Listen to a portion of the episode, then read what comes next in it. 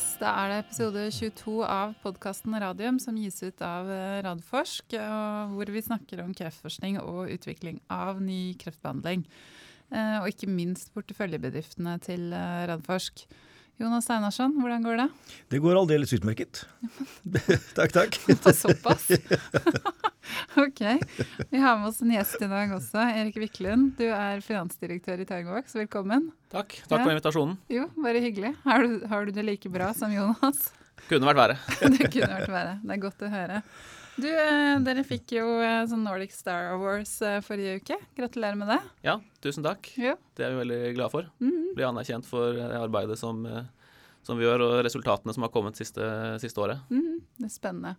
Du startet jo i Targovax i april i år. Fortell litt om bakgrunnen din. Ja, jeg begynte som finansdirektør i Targovax i april og tok over for Øystein Saug etter at han ble forfremmet til CEO. Eh, Litt uvanlig for en finansdirektør, så har jeg en biologibakgrunn, så jeg er egentlig utdannet kreftforsker. Ja, nettopp. Og, Hvor, hvor kommer den økonomien på toppen fra? Eh, Det, det har jeg egentlig bare tilegnet meg i, i løpet av karrieren etterpå. Ja. Jeg jobb- jobbet, med, jobbet i laben rett og slett som molekylærbiolog og eh, drev med, med kreftforskning innenfor epigenetikk. Mm. Og ikke Her på. Radiumhospitalet, eller? Nei, Nei. i utlandet. Mm. Jeg var hovedsakelig i Australia, mm. i mange år i Sydney. På noe som heter Garvan Institute of Medical Research. Mhm. Og så har jeg vært i Danmark, på Årets universitet, og litt i USA. Mhm. Så hele min vitenskapelige karriere var i utlandet. Så flyttet jeg hjem til Norge i 2011. Og bestemte meg vel egentlig da for at jeg ønsket å gå over mer i, i, på business-siden. Og begynte i, søkte meg til McKinsey som konsulent, og, og jobbet noen år som, eh, som konsulent der i legemiddel- og, og farma- og helsepraksisen. Uh, hovedsakelig i Europa og litt i Norge. Og så har du vært innom Algeta. Ja, så etter, eh, etter McKinsey så begynte jeg i Algeta. Og det var rett før oppkjøpet. Begynte høsten 2013, noen måneder før, eh, før Bayer-tilbudet kom på banen. Mm.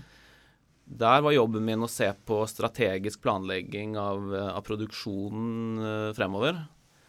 Men det, det arbeidet ble jo lagt på is etter at uh, Bayer tok over og, og ut uh, havnet vel i Tyskland, stort sett. Så jobben min forsvant, uh, kan man si. Mhm. Så hadde jeg en del historikk og kjente Bayer godt fra før, så da ledet jeg integrasjonen eh, mellom Algeta og Bayer mm. fra Algeta sin side.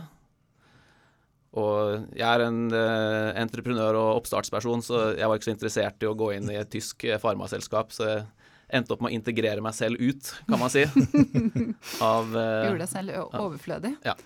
så da, da sluttet jeg eh, etter at integrasjonen var komplett eh, eh, midtveis ute i 2014. Ja, det er suveren erfaring å ta med seg videre i, i våre selskaper. da. At du har vært med, vært med på denne reisen. Ja, det var veldig spennende og, og lærerikt. Jeg, jeg var jo ikke med så, fra så veldig tidlig. Jeg kom inn først etter at eh, medisinen var godkjent, men allikevel et veldig spennende miljø. Mm. Ja. Og vi er jo også mange fra Algeta som er i, i Jo, Targovax veldig mange. Mm. Det er vel nesten Øystein halve. og Ja. Renate og Ja, på så Clinical også. Hele mitt team unntatt én er fra Algeta, og Øystein fra. Algeta. Så vi kjenner hverandre godt, jobber godt sammen. og og de fleste har jo vært med på å faktisk dra et produkt helt fra, helt fra laben til, Ja. Til markedet og, og et oppkjøp. Dette er jo som vi har snakka om en del før, Elisabeth. Denne faren med at selskapene våre blir kjøpt opp Ja, det av er store. skikkelig skummelt. Veldig, veldig skummelt. Vi ender opp med en fabrikk på Kjeller, og vi ender Ja, opp med et helt team med folk som, Som har gjort det før. over et nytt Og det er sånn det skal være. Ja. Altså, du, du må jo være litt sånn seriell i dette arbeidet her, Mm. for det kommer jo stadig opp nye ting og skal utvikles. Og det er eh, suverent at vi kan bruke, Ja. bruke kompetansen videre. Kjempe, kjempeviktig. Men, eh, men Targovax er jo egentlig dagens tema, ikke, ikke Ja. Algeta.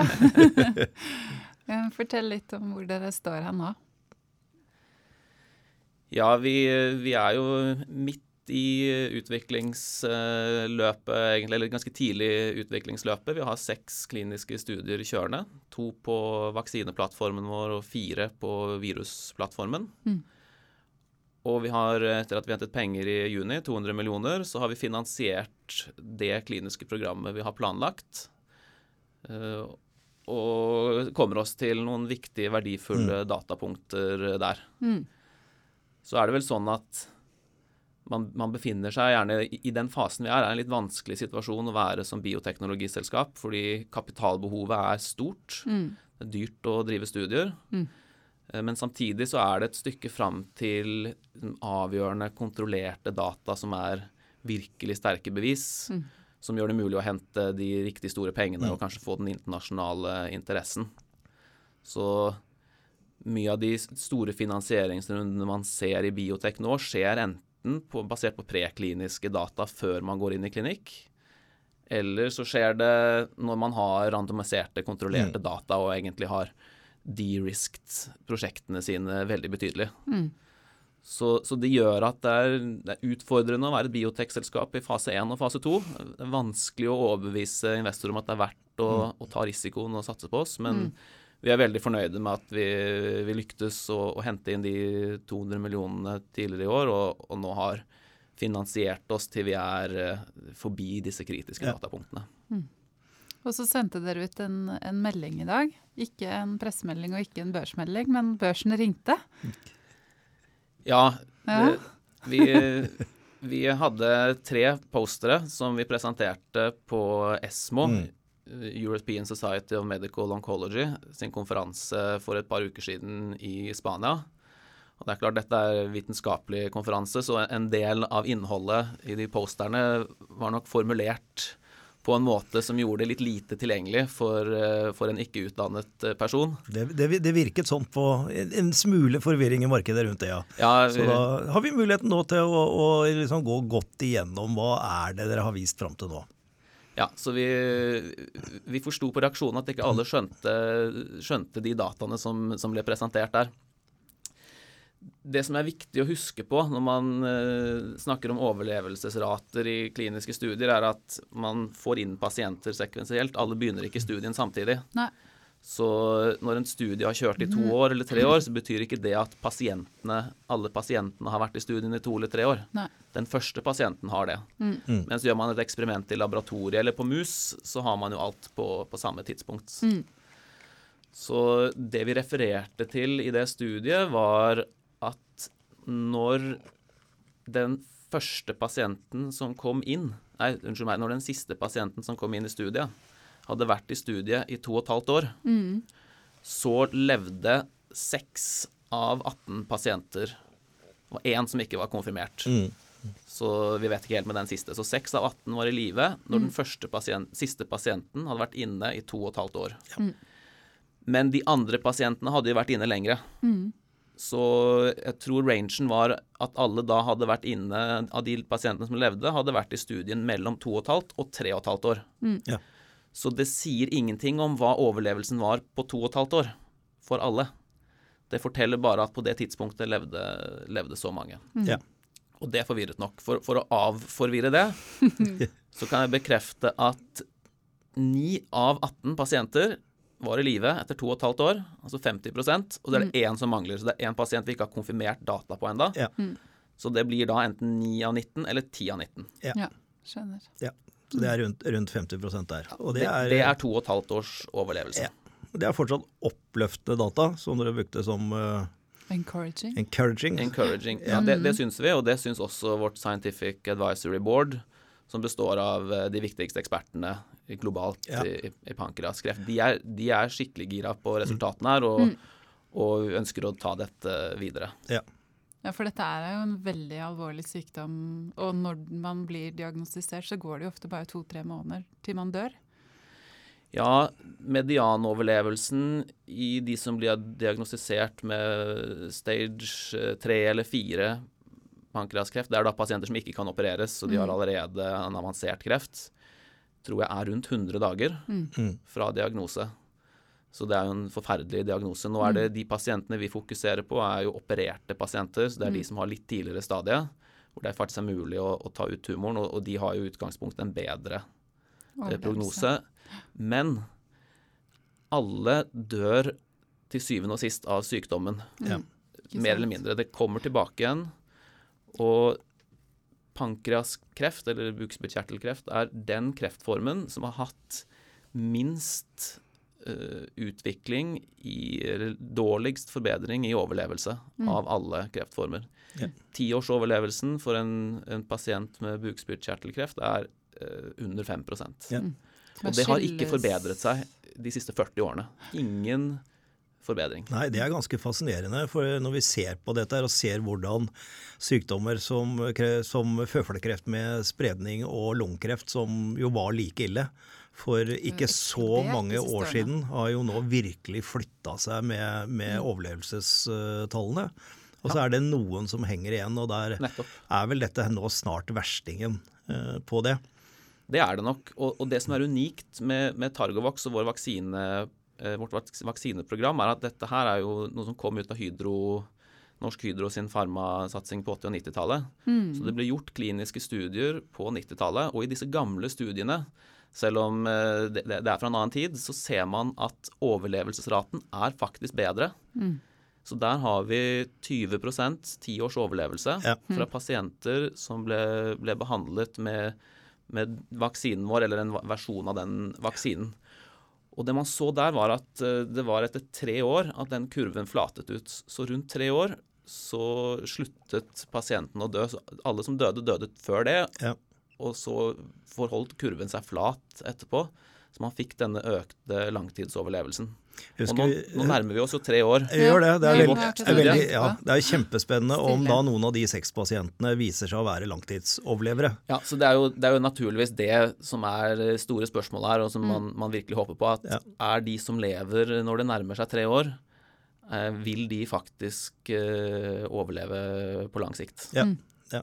Og det var jo den, den alle, alle, alle som kan nå har fulgt godt med i Torgovaks, har jo sett denne kurven Ja. som flater ut der med 24 pasienter. Eh, og når vi så på den kurven første gang i 2008 eller 2009, var det den, eh, den kom. Det var jo en morsom historie bak den, hvordan den kom fram og hvordan, hvordan den ble funnet. Eh, for det var jo eh, kirurgene her som hadde gått gjennom materialet sitt og sett hvordan det gikk med pasientene sine. Eh, Og det var en uh, ca. 100 pasienter. Og da fant de ut at de hadde bedre overlevelse på sine pasienter etter operasjon enn det som var liksom litt sånn bransjestandard rundt i verden, og, og publiserte det og var veldig stolt av det. Og så var det en stipendiat som gikk gjennom de 100 pasientene og fant ut at 20 av de hadde jo fått vaksine. Og hvis du tok de 20 ut av materialet, så var det ingen langtidsoverlevere og ikke noe bedre resultater. Så da liksom sånn Ops, er det vaksinen som har gjort det? Og da var de 20 pasientene var den kurven som var en kurve vi aldri hadde sett før, nemlig en kurve som flatta ut. Det er jo en immunterapikurve. Ja. Eh, og det, men vi visste ikke hva en immunterapikurve var på den tiden, men hunchen var at her var det noe spennende. Det var før sin tid, rett og slett. Ja, det var men det er igjen, det er Gustav og god, det. Gaubnak. Ja. Som ofte er litt uh, før sin tid. Nei, så det er, det er veldig spennende. Men vi først har deg her, så, så syns jeg det hadde vært spennende også eh, gravd litt grann i, i, i dette med vaksiner. Altså Kreftvaksiner internasjonalt blant investorer og Big Pharma er jo liksom ikke, har ikke vært the hot buzzword de siste 10-15 årene, for det er ikke legge skjul på at mye har gått eh, gærent der. Så har vi hatt Gustav her, og han har forklart eh, veldig nøye, og Øyvind fra Ultimovax, hvordan det var med korte og lange peptider, og at man brukte oljedepot i adjuvansen og alle disse tingene som er blitt uh, rydda opp i. Eh, og vi har jo hatt, fikk jo noe dårlig nyhet på en såkalt vaksine eh, for noen dager siden. Eh, men det er ikke særlig sammenlignbart med TG01 og TG02 hos dere, er det? Nei, du kan si at eh, selve, selve vaksinekonseptet er det nok mange som tror på. Rent logisk så burde dette fungere. Ja. Og mange har prøvd, og, og mange har prøvd forskjellige eh, vinklinger på å få dette til å fungere.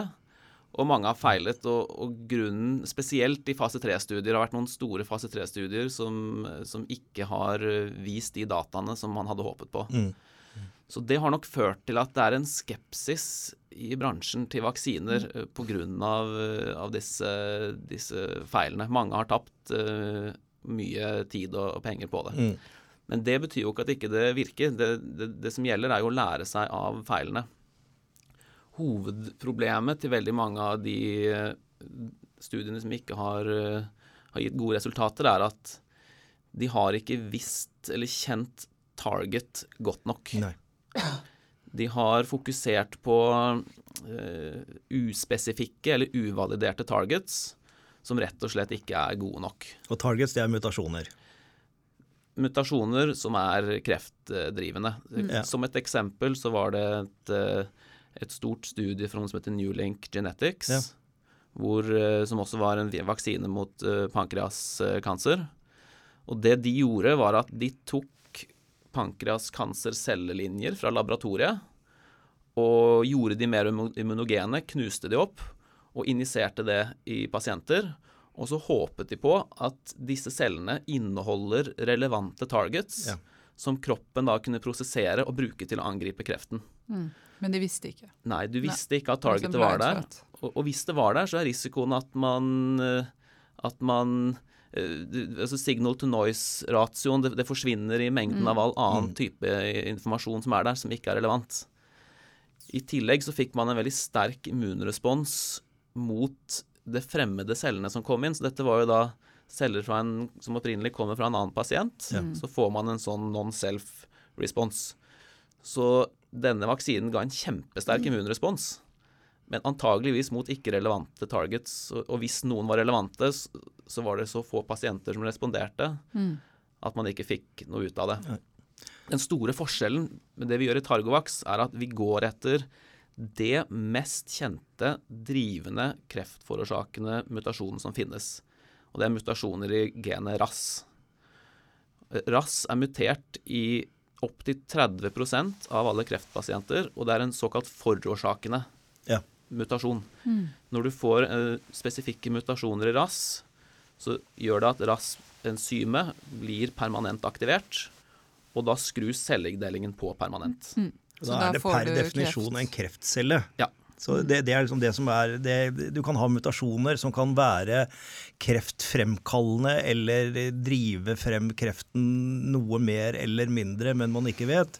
Men hvis du har skrudd på rassen, Så, får du, så får du kreft. så blir det en kreftcelle. Ja. Med mindre immunsystemet kan gjenkjenne Ja. og drepe den cellen som er rasmutert. Ja. Så her har vi det som da er en kjent drivende mutasjon, som i tillegg er veldig vanlig. Jeg sa 30 av all kreft, men i pankreas så er det spesielt vanlig. Ja. Så 85% av alle pankraskreftpasienter har mutert RAS. Og dermed så er, er det pankreaskancer som er det åpenbare første skrittet å se på her. Ja. Og, og da vet vi at de aller fleste pasientene har det. Vi kan også sjekke om de har RAS-mutasjoner i utgangspunktet. Så her går man inn da og har et helt konkret target som vi vet er kreftforårsakende, og kun er kreftceller som har.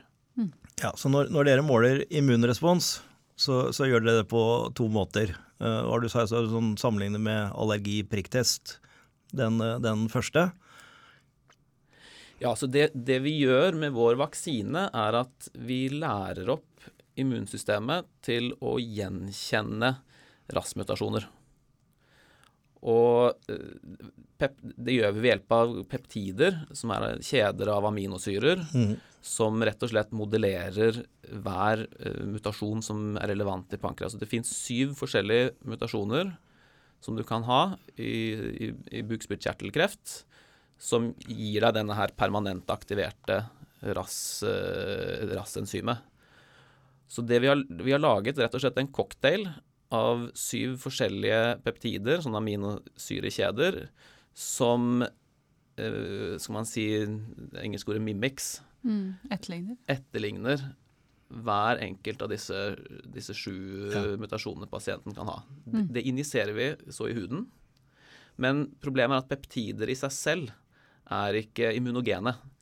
Kort Korte av kjede med aminosyre vil bare bli brutt ned i kroppen som vanlig, så du må ha noe parallelt som stimulerer en immunrespons, en såkalt adjuvant. Mm. Da bruker vi eh, et eh, stoff, et protein, som heter GMCSF, som er en kjent adjuvant, som vi injiserer først.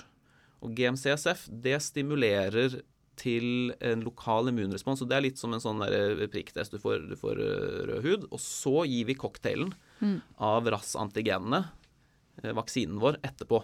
Mm. Og da blir disse antigenene plukket opp av eh, immunceller, transportert til lymfeknutene. Og da får du produsert RAS-spesifikke T-celler i lymfeknuten. Og de T-cellene reiser da rundt i kroppen og leter etter celler som har eh, mutert rass, som det viser på overflaten sin, såkalte eh, muterte eller epitoper. Mm. Neoepitoper er det, det fancy ordet. Så man bruker immunsystemet til å gjenkjenne skadede celler. Og da, da blir disse cellene drept. Ja. Når vi måler immunrespons, som du spør om, så gjør vi det på to forskjellige måter.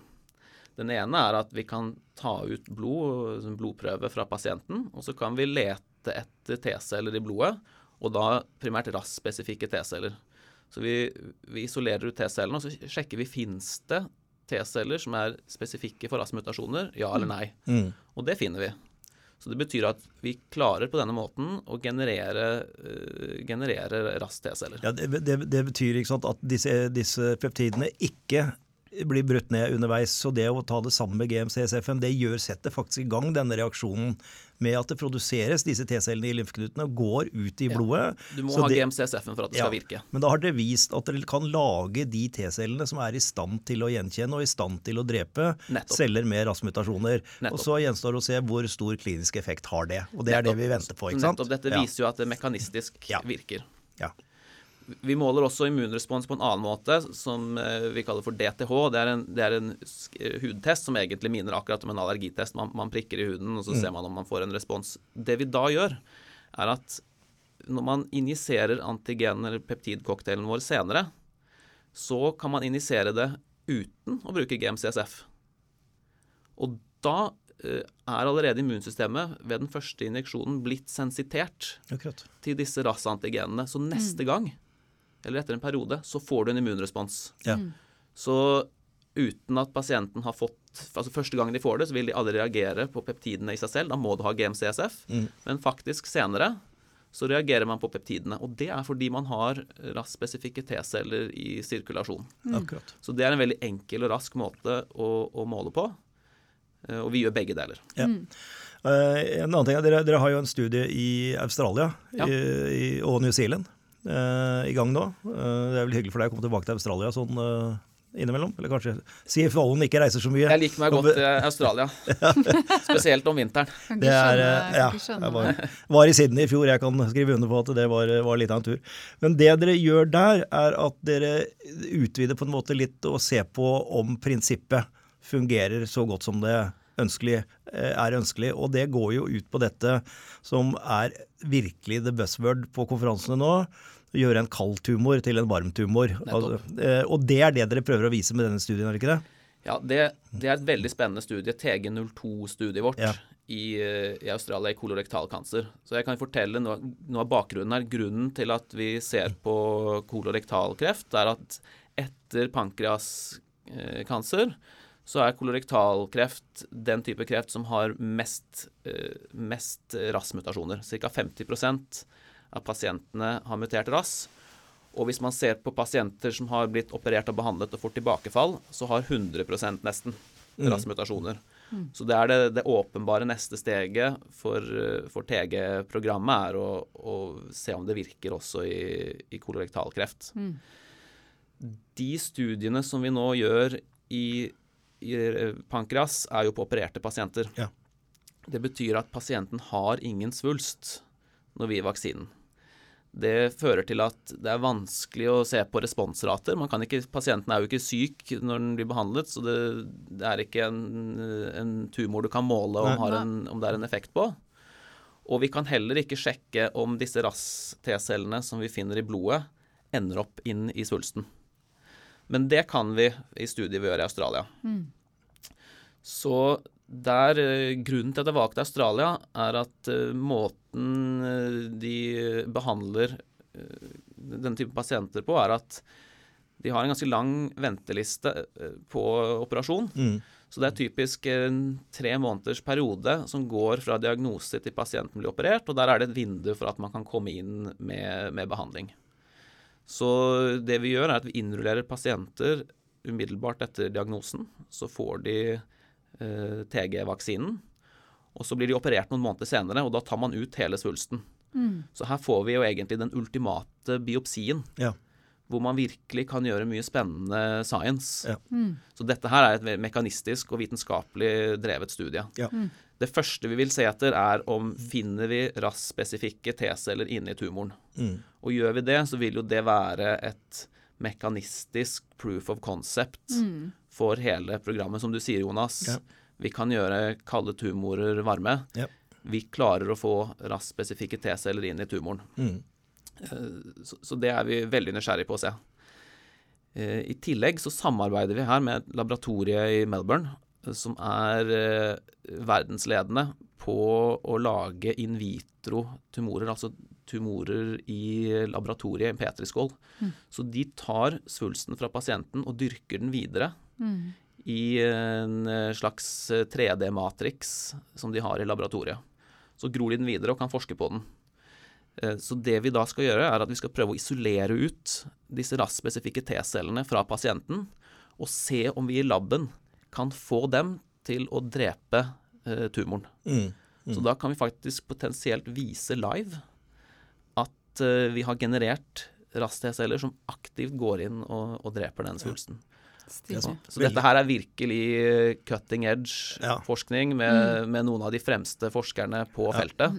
Så, så det blir veldig spennende. Ja. Dette her er jo ikke et eh, effektstudie på, på Så vi følger ikke pasienten etterpå og ser hvordan det går med overlevelsen. Dette her er rent eh, mekanistisk proof of concept. Men overfor, spesielt overfor resten av vitenskapsverden og Big Pharma, så er jo dette særdeles viktige data for Targovac som selskap. Ja, spesielt for legemiddelselskapene Ja. vil jo være nysgjerrig på å se hva som kommer ut av Mm. dette her. Så, så det, er vi, det er vi veldig spent på. Det som også er interessant med studiet her, er at dette er første gangen vi forsøker å kombinere med en checkpoint inhibitor. Ja. Så de første pasientene i studiet kommer til å vaksineres bare med TG. Og den andre gruppen pasienter, andre halvdelen av studien, vil være i kombinasjon med, med en PD1 checkpoint inhibitor, Keytruda. Ja. Og da vil vi se om vi får en enda bedre respons i det tilfellet vi kombinerer med checkpoint inhibitor, som da tar av bremsene på immunsystemet og, og tilgjengeliggjør tumoren, eller gjør den synlig for T-cellene. Mm. Så det vi da håper er at vi får enda flere T-celler Ja. som kommer inn i tumoren når vi kombinerer de to. Spennende. Første kombinasjonsstudie. Eh, Ja. På TG-plattformen. Ja. Eh, vi skal ha konsentrert oss om den i dag. Vi kan ta Onkos og virusplattformen eh, i, i dybden en, en annen gang. Men Ja. der har dere også et veldig spennende kombinasjonsstudie på gang. Så kan du si litt om det. Du tenker på studiet i uh, ovarian og kolorektalkreft. Melanomstudiet. Og du tenker på melanomstudiet, ja. Yeah. Som, uh, ja, vi har flere spennende studier Hvem skal du velge? på, Tydeligvis føflekkreft, da. Mm. Ja, så, så melanomstudiet er et litt lignende mekanistisk proof of concept-studie som det vi gjør med TG i kolorektal kancer. Det vi gjør der, er at vi tar pasienter som enten har, ikke, aldri har respondert eller har sluttet å respondere på checkpoint inhibitors. Så gir vi dem viruset for å da presumptivt gjøre de, disse tumorene varmere. Få T-celler inn i tumoren. Og så putter vi de tilbake på Keytruda. Ja. Samme. PD1 checkpoint inhibitor. inhibitor. Så her har vi jo da pasienter som i utgangspunktet ikke medisinen virker på. F- Non-responders. Nettopp non-responders. Hvis vi kan få det til å virke igjen da, så er det jo en Ja, det veldig elegant måte Ja, ja. å vise på at eh, det aller mest sannsynlig må være viruset. Mm. Ja. Om noen av disse pasientene igjen eh, får en effekt, så vil det være eh, fantastisk. Og, og, og her, det er jo her man virkelig har sett den store revolusjonen i immunterapi, hvor pasienter med malignant melanom, som, som var en dødsdom Mm. for bare noen få år siden, de, de levde noen få måneder, så er det nå noen som rett og slett blir kurert, ser det ut som. Ja. Det er 40-50% kanskje av pasientene som har en helt fantastisk effekt. Uh, mange av de som var i de tidlige studiene, lever fortsatt nå, ti år senere, og har ingen tegn til sykdom. Nei. Så Det er første gang man, man snakker om en mulig kur. Ja. Hvis vi med viruset kan klare å få enda flere av de pasientene til å få den fantastiske effekten som checkpoint-inhibiterne gjør, så, så vil det jo være, vil det være fantastisk Ja. for, både for pasientene og selvfølgelig for, for oss også. Ganske hyggelig. Ja. Ja.